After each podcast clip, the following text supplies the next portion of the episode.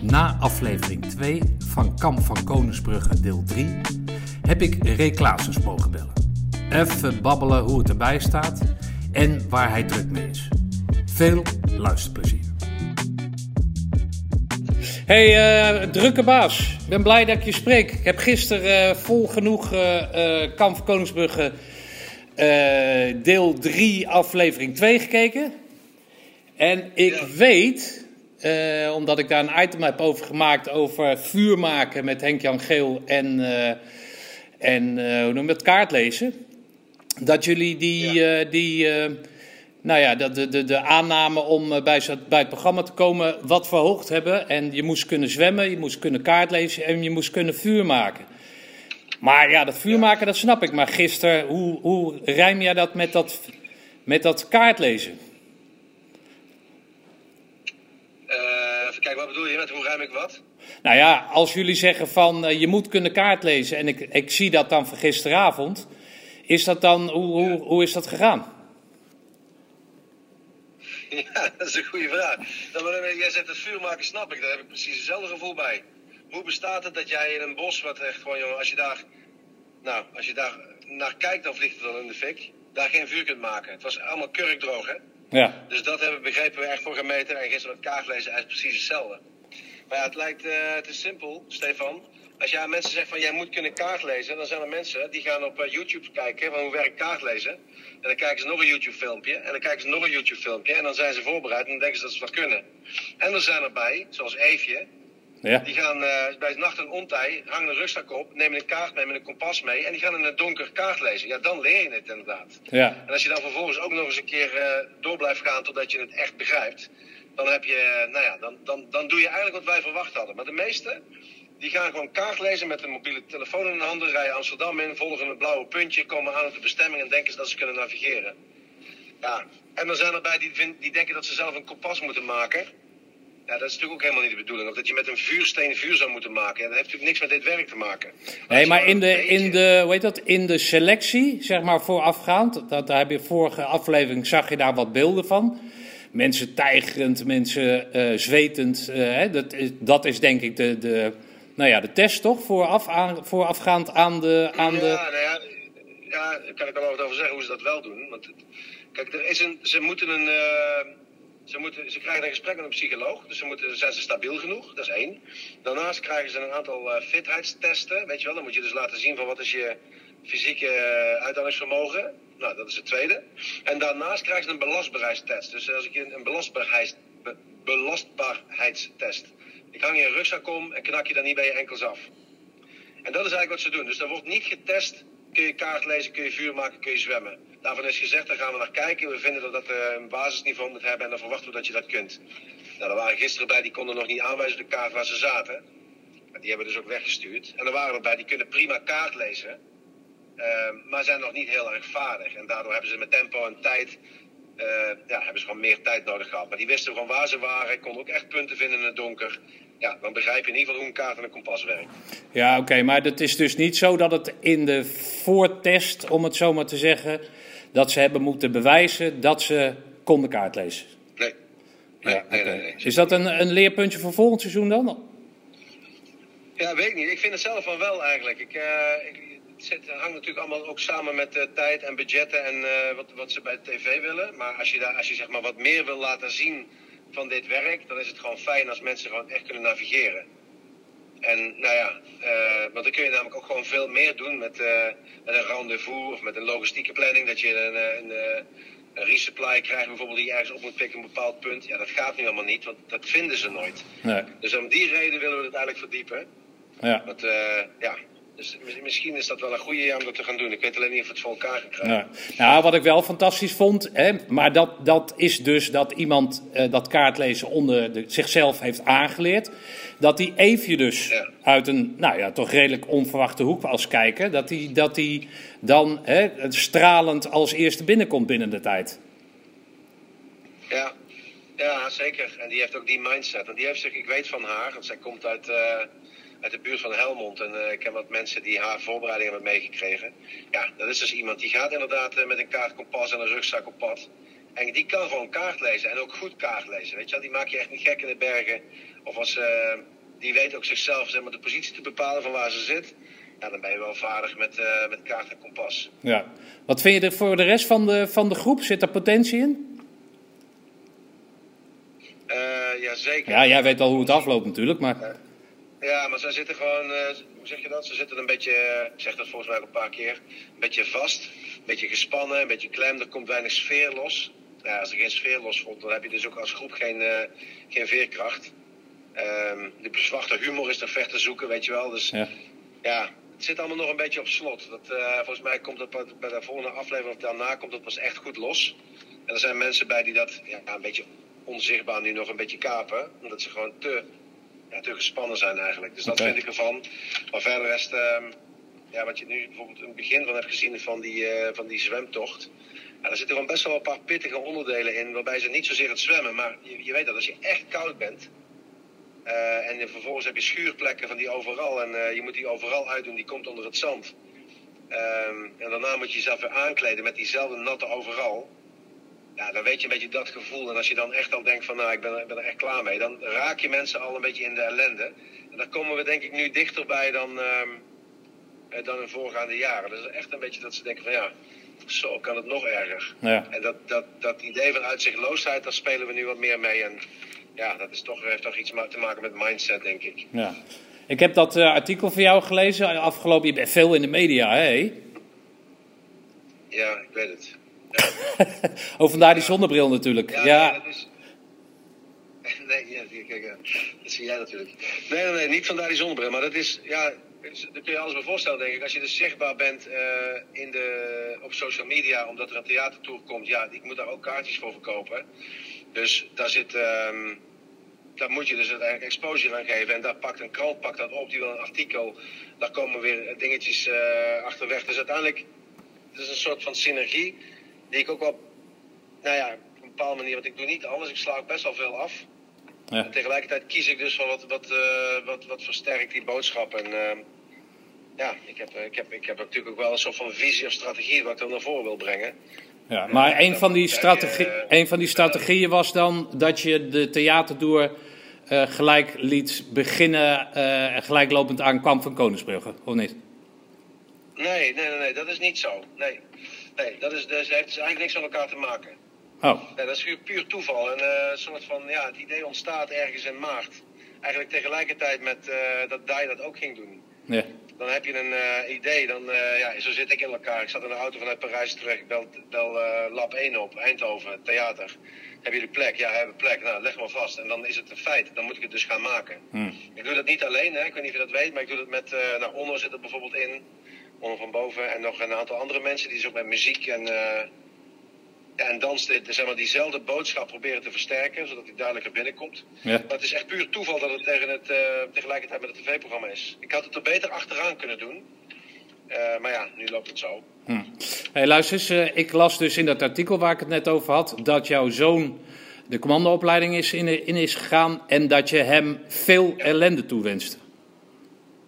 Ja. Geldt dat ook voor de kandidaten in Kamp van Koningsbrugge? Ja, of is dat ja, meer uit vaderlijke gevoelens? dat- dat zin- Er komt een zin achteraan. Ik- Jij snapt het meteen. Maar kijk, als je dit, dit werk gaat doen, wat hij wilde gaan doen, het is niet gelukt met, eh met Cesar. Eh, maar hij heeft er, eh, nou goed, hè, dus bij hem is dat dan niet gelukt. Maar uiteindelijk zeg ik, als je dit werk gaat doen, dan kun je maar beter nu weerbaar worden en gevormd worden. En daar is ellende voor nodig. Hè. Je moet dus uiteindelijk, om weerbaar te worden voor een situatie waar je straks in komt, moet je nu uiteindelijk de pijn pakken, zodat je ziet hoe je daarmee omgaat. Zelf, maar ook in een team. En dat, eh, dat gaat niet met, ehm, met comfort en, en, eh, en- en een makkelijke weg. Er is nou eenmaal gewoon een, eh, ja, een harde hand voor nodig. En dat weten ze in Roosendaal prima hoe dat werkt. En dan vormen ze je. En vanuit die vorming kom je later misschien nog wel in zwaardere momenten. Maar dan kijk je elkaar aan en dan lach je een keer en dan kun je er wat tegenaan. Dus ik gun hem, en dat is eigenlijk wat ik, eh, wat ik daar bedoelde. Maar ik gun mensen in algemene zin ook zo nu en dan wat ellende om gewoon ja, weerbaarder te worden. Om vervolgens dus sterker te worden. Dat is denk ik wat, eh, wat vorming is. En dus eh, die deelnemers in Kamp van Koningsbrugge gun ik dat zeker. Want je wordt niet trots, of je kijkt niet terug met trots, als je niet even daar pijn voor hebt geleden. En dat is dan voor mij, ja, dat de metafoor met ellende geeft de kans om trots te worden. Ja. Want als het makkelijk was geweest, ja, je kijkt terug, ja, dan herinner je het niet, niet eens. Ik heb, uh, hoe heet dat, in een eerder interview met jou uh, heb ik, uh, heb ik tegen jou gezegd dat ik dacht, hè, dat was ten aanzien van Koningsbrugge 1, dat jij daar dan zeg maar bij dat verhoor die jongens zeg maar, nou ja, analyseert. en kritiek geeft of positief nou ja, feedback of hoe je het ook wil noemen. En dat ik dacht dat jij een oortje in je, in je, in je oor had, dat het door iemand werd ingefluisterd. Nou, dat bleek niet zo te zijn. Hoe heb je, dat, uh, hoe heb je je voorbereid op die, uh, op die theatertour? Lul je maar voor de vuist weg of heb je, heb je het meer gescript? Nee, het is wel gescript, Stefan. Dat, dat snap je natuurlijk zelf ook wel. Je hebt gewoon... Uh, ten eerste is het... Je moet dit echt produceren. Dus als je dit alleen doet dan is dat makkelijker dan als je dat met, wij doen het met z'n zessen. Dus je zit met uh, licht en met geluid en met uh, muziek en met foto's en attributen en pauze en mensen. En je moet het allemaal uh, scripten. En je moet je ook aan dat script houden, want anders maakt het voor iedereen het leven wel erg lastig. En in een tv-programma heb je de montage, die knipt daar stukken uit en die maakt het uiteindelijk tot een logisch verhaal. Maar in zo'n theatershow moet je dat echt zelf doen. En tegelijkertijd ben ik niet iemand die weet wat hij op 2 minuten 25 gaat zeggen. Want als ik in mijn stuk zit en ik voel dat de energie van de zaal iets anders nodig heeft waarvan ik op dat moment het punt ging maken, dan kan ik zomaar iemand uit de zaal erbij betrekken, hem naar voren roepen. Of uh, nou ja, noem maar op. Dus, maar dat is dan wel in mijn stukje. En ik heb gewoon een soort van boodschap te vertellen in de, in de stukken die ik in de theatershow heb. Want de visie daarachter is, ik, ik noem dat dus ook groeipijn, dat um, het komt je niet aanwaaien. Dus als jij iets wil, dan weet ik zeker dat je dat kunt bereiken als je bereid bent om er moeite voor te doen. En voor de ene is dat een opleiding en voor de andere is dat een uh, ruzie uitvechten met zijn, uh, met zijn ouders. En voor weer een ander is dat commando worden. Maar in de essentie gaat het erom dat als je iets wilt bereiken, dan ja, moet je dus water bij de wijn doen of je verdiepen in de ander. Of uh, ja, op het moment dat je denkt van nou ik kan niet meer, dat je dat omzet in een signaal van nou dit is dus het moment om door te zetten. Ja. En daar ga ik uiteindelijk met een stukje het is gewoon een modelletje wat ik zelf uh, ontwikkeld heb. Dat ik denk van nou, hier zit volgens mij de crux. Het gaat om dat je je eigen blinde vlek in moet kleuren. En dat vertel ik aan de hand van mijn eigen leven. Want ik ben ook gewoon maar begonnen en uh, genoeg dingen verkeerd gegaan. Maar op een gegeven moment had ik het door. Hmm. En voor de grap, of de grap, wat, wat ik eigenlijk heel grappig vind. Ik heb nu de theatershow gedaan. En ik lig gewoon uh, twee, drie dagen uh, een beetje onrustig in bed. Denken van fuck, dit ging niet goed, dat ging niet goed. En niet als in dat ik een perfectionist ben. Van het licht ging niet op de tijd aan of zo. Maar dat vind ik allemaal uh, een beetje nou, on the side. Maar in essentie zeg ik, nou, die boodschap die had sterker gekund. Hmm. Ik merk dat niet per se aan mensen in de zaal, want die geven allemaal mooie kritieken terug. Maar zelf voel ik wel van, nou, ik was niet uh, in topvorm. Okay. En dat maakt dat ik het de volgende keer een aantal dingen anders doe. En dat is volgens mij groeien. Ik lig er dus ja. echt wel een beetje wakker van. Ja, dat is op zich toch niet zo gek? Dat je ervan nee, wakker ligt? ik ook niet. Alleen, ik ben niet lief voor mezelf. Nee. Het is niet dat ik dan zeg van, ja, logisch en uh, wat iedereen dan tegen je zegt. Nee, ik, eh, ik, die energie die ik dan gebruik, die onrust, dat, uh, op een gegeven moment valt alles bij elkaar. Zet ik een pakje flip over, zet ik het erop. En dan ben ik er vanaf. Ja, nou ja, ik heb gisteren een, uh, ik heb gisteren een uh, podcast van uh, Jan Beuving. Die doet ook altijd wat voor, voor van die voetbaldingen op tv. En die, die doet ook een show. En die zegt dus dat hij pas na 70 voorstellingen, weet je wel, kan gaan freestylen een beetje. Omdat het er dan helemaal in zit. Dat hij daarin die zekerheid heeft. En dat hij dan van dat pad af kan, een deurtje open kan doen. Hè, en, en maar wel die deur open laten dat hij weer terug kan komen. Maar dat het pas na 70 shows is. Heb je dat ook? Nou ja, 70 is misschien erg veel, maar... mechanisme... Ja, precies. Dit mechanisme herken ik meteen. En ik denk dat het bij iedereen ook zo werkt. Uh, ik denk bij mij is het nou, 70 shows. Maar bijvoorbeeld met lezingen. Ik geef veel lezingen voor bedrijven nu. Ik denk dat ik er nu ongeveer 120 gedaan heb. En ik werd er pas echt, dat ik echt even van, nou, nu zit het gewoon echt zo lekker erin. Dan ben ik echt al 20 keer onderweg. Ja. En dat heeft met hetzelfde te maken als wat hij beschrijft. Dus dat, dat is ook een beetje frivoliteit. Dingen durven, proberen. Ja, op een gegeven moment het ook loslaten. Zoiets. Dus hm. dat klopt wel, ja. Hey, en uh, Boy, als je onderbro- geef jij de ruimte aan het publiek om onderbroken te worden of niet? Een vraag te stellen? Of, er zitten momenten in. Uh, ik heb er een pauze ingelast in die pauze. Het is niet alleen een pauze, er gebeurt echt een. Uh, ja, er gebeurt iets. Dus ik heb daar een opdracht voor die is super oncomfortabel. En daarmee, uh, dat, dat, dat is eigenlijk een. Ja, daarmee laat ik mensen voelen van wat ik vertel. Dat werkt super goed. En dan is er ook echt ruimte zeg maar, voor echte interactie. Maar daarnaast is er niet echt ruimte om te in te breken. Omdat mensen gewoon, ja, dat klinkt een beetje gek om dat zelf te zeggen. Maar ze, zitten echt op het puntje van de stoel van wat, wat gaat er komen. Ja. Dus dat, die neiging die is er niet. Maar zou dat zo zijn, hè? Dan zou ik dat juist wel doen. Want dat vind ik mooi. Ik zou het wel mooi vinden als iemand zegt, nou, ik heb hier een vraag over. Of, ehm, Ja. maar het is ook wel een soort van. Dat doe je ook niet bij Hans Steeuwen in de show. Niet dat ik zo grappig ben als wij. Snap je? Maar op een gegeven moment laat je het gewoon. Want je bent gewoon benieuwd wat er komt. Ja. Hey, luister, waarin eh, verschilt jouw, jouw eh, show met die van, van Dai? Ja, ik ben bij die Van Dij geweest. Super mooi. Echt, echt serieus een aanrader om naartoe te gaan. Hij vertelt zijn eigenlijk echt een heel persoonlijk verhaal. gecombineerd met, nou, hij, hij- ik zou bijna kunnen zeggen, hij doseert eigenlijk bijna zijn modelletje wat hij in zijn tweede boek heeft. Ja. Eh, dus dat is wat Dai doet. En hij doet het eh, nou, helemaal alleen. Wat super knap is. En dat is een eh 1 uur en drie kwartier durende show. En dan krijg je echt wel mee van... Oh, daar, daar kom je aan je, aan je, nou ja, aan je kennis en eh, je inzichten. Ehm, en bij, bij ons is het eigenlijk een... Nou, ik doe het dus niet alleen. Ik doe het dus met, eh, met, met z'n zessen. Ja. En de boodschap is echt anders. Dus ehm, het is bij mij ook een persoonlijk verhaal, maar het gaat eigenlijk, eigenlijk zeg ik van als ik het kan, kan jij het ook. Ja. En wat dan het is, dat is voor iedereen anders. Maar het proces is voor iedereen hetzelfde. En dat aangaan van dat ongemak, eh, dat is voor mij net zo ongemakkelijk als voor jou. Alleen ik doe het wel. Hè? Dus, niet dat jij het niet doet, maar je snapt wat ik bedoel. Dus Ja. ik probeer mensen. Mijn shows is echt ook eigenlijk voor het publiek. ehm, wat, ja, laat ik zo zeggen. Je, je kunt niet bij een lezing of een keynote komen als ik hem aan Shell of aan eh, de Jumbo. Want dat is gewoon besloten. Maar die boodschap, die werd wel om gevraagd. Toen dacht ik van nou oké, dan ga ik dat doen. En eigenlijk is het geen consumentendingetje. Maar voor mensen die of met een issue zitten. Die moeten dus echt geïnspireerd worden. Of bedrijven die komen met een heel managementteam daar naartoe. Ja. Alleen het is verwoorden tot iets waar mensen ook zelf eh, denken van nou ik kan er nu naartoe, dan ga ik er ook naartoe. Maar die hebben het niet per se nodig. Dus ik wil ook wel een, een boodschap achterlaten. Ehm, dus er zitten mensen bij die, die hebben te kampen gehad met een drugsverslaving. Er zitten met, eh, met een aantal mensen uit hun, eh, ja, hoe zeg je dat, uit hun eh, groep. En daar zit dan de begeleider bij. Die komen dan naar zo'n show toe. Ja, dan heb je echt wel even, even wat andere diepgang. Ja. En tegelijkertijd zit er iemand bij die wil gewoon vermaakt worden omdat hij het leuk vindt. Die man van uh, Kamp van Koningsbrug gaat het vertellen. Maar dan is de prijs, ik heb ook een andere prijsstelling dan Dai, dan klopt dat ook niet. Want dan denk van ja, dan heb je wel een heel duur kaartje. Ik kom hier iets brengen waarvan ik hoop dat je daarvoor eh, bij wijze van spreken geen eh, boek hoeft te kopen, geen therapie hoeft te gaan doen of geen keynote in je bedrijf in te hoeft te huren. Hm. Dus het is gewoon wat andere aanloop. En ik doe het anders met meer mensen, maar Oké. Hey, wat, wat doe jij dan eh, nadat je dat applaus... Je krijgt toch applaus aan het einde, of niet? eh, ja, je krijgt inderdaad applaus. Oké, maar wat, dan hoor je dus altijd van die artiesten, weet je wel, die dan of, of in de kleedkamer blijven hangen, of juist de foyer opzoeken, of wat. Hoe doe jij dat?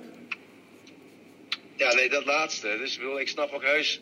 Het klinkt een beetje gek om dat te zeggen, maar dat merk ik ook als ik hier nu in de parkeergarage loop. Mensen herkennen je natuurlijk. Ja. En ze vinden dat stukje van je karakter, wat dan in de tv zo uitvergroot wordt, dat is een soort van spannend. Van, oh, je bent hartstikke streng, oh, je bent eigenlijk super eh, aardig, zoiets. Ja. En dat is in één keer is dat heel dichtbij. Dus het gaat dan vrij snel om, om een fotootje. Nou, dat vind ik sowieso leuk. Dat is voor iedereen leuk als ze dat willen. Maar het gaat ook om even dat eigen stukje pijn te kunnen vertellen. En eigenlijk denk ik, ja, ik heb van de week heb ik contact gehad met een eh, directeur van een basisschool, een vrouw. Ja. Die zit in een soort eh, onderwijsgroep. En dat, ja, dat is, dat is echt mooi om te zien. Dat, die, die kampt dus met een zo'n groot issue. En met even luisteren en ja, twee, drie opmerkingen die gewoon met boerenverstand, die had jij ook kunnen maken. Maar doordat je eigenlijk zoveel autoriteit hebt door het tv-programma, is er veel acceptatie. Ze gaat het doen en het is opgelost. Ja, dan denk ik van, dat, dat, dat gebeurt dus in de lobby, bij wijze van spreken. Ja. Ja, het is natuurlijk goud waard. Als dat voor mensen kan betekenen, dat is eigenlijk waarom ik het doe. Ja.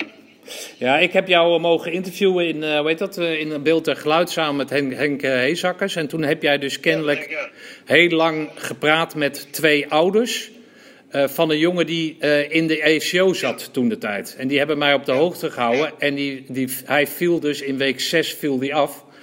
Maar die vader was dus dankbaar voor de ervaring van zijn zoon. Snap je? En dan vond ik het mooi dat hij dan met jou gepraat had. Het, snap je? Daarom vind ik het dus ook zo mooi dat je dan in de foyer blijft staan. Zodat je die verhalen kan aanhoren. En dat het dus een persoonlijke herinnering Ja. wordt van die mensen. In plaats dat ze veel geld hebben betaald voor een kaartje en dat een fotootje. Snap je wat ik bedoel? Dat vind ik mooi. Ja, nee, zeker.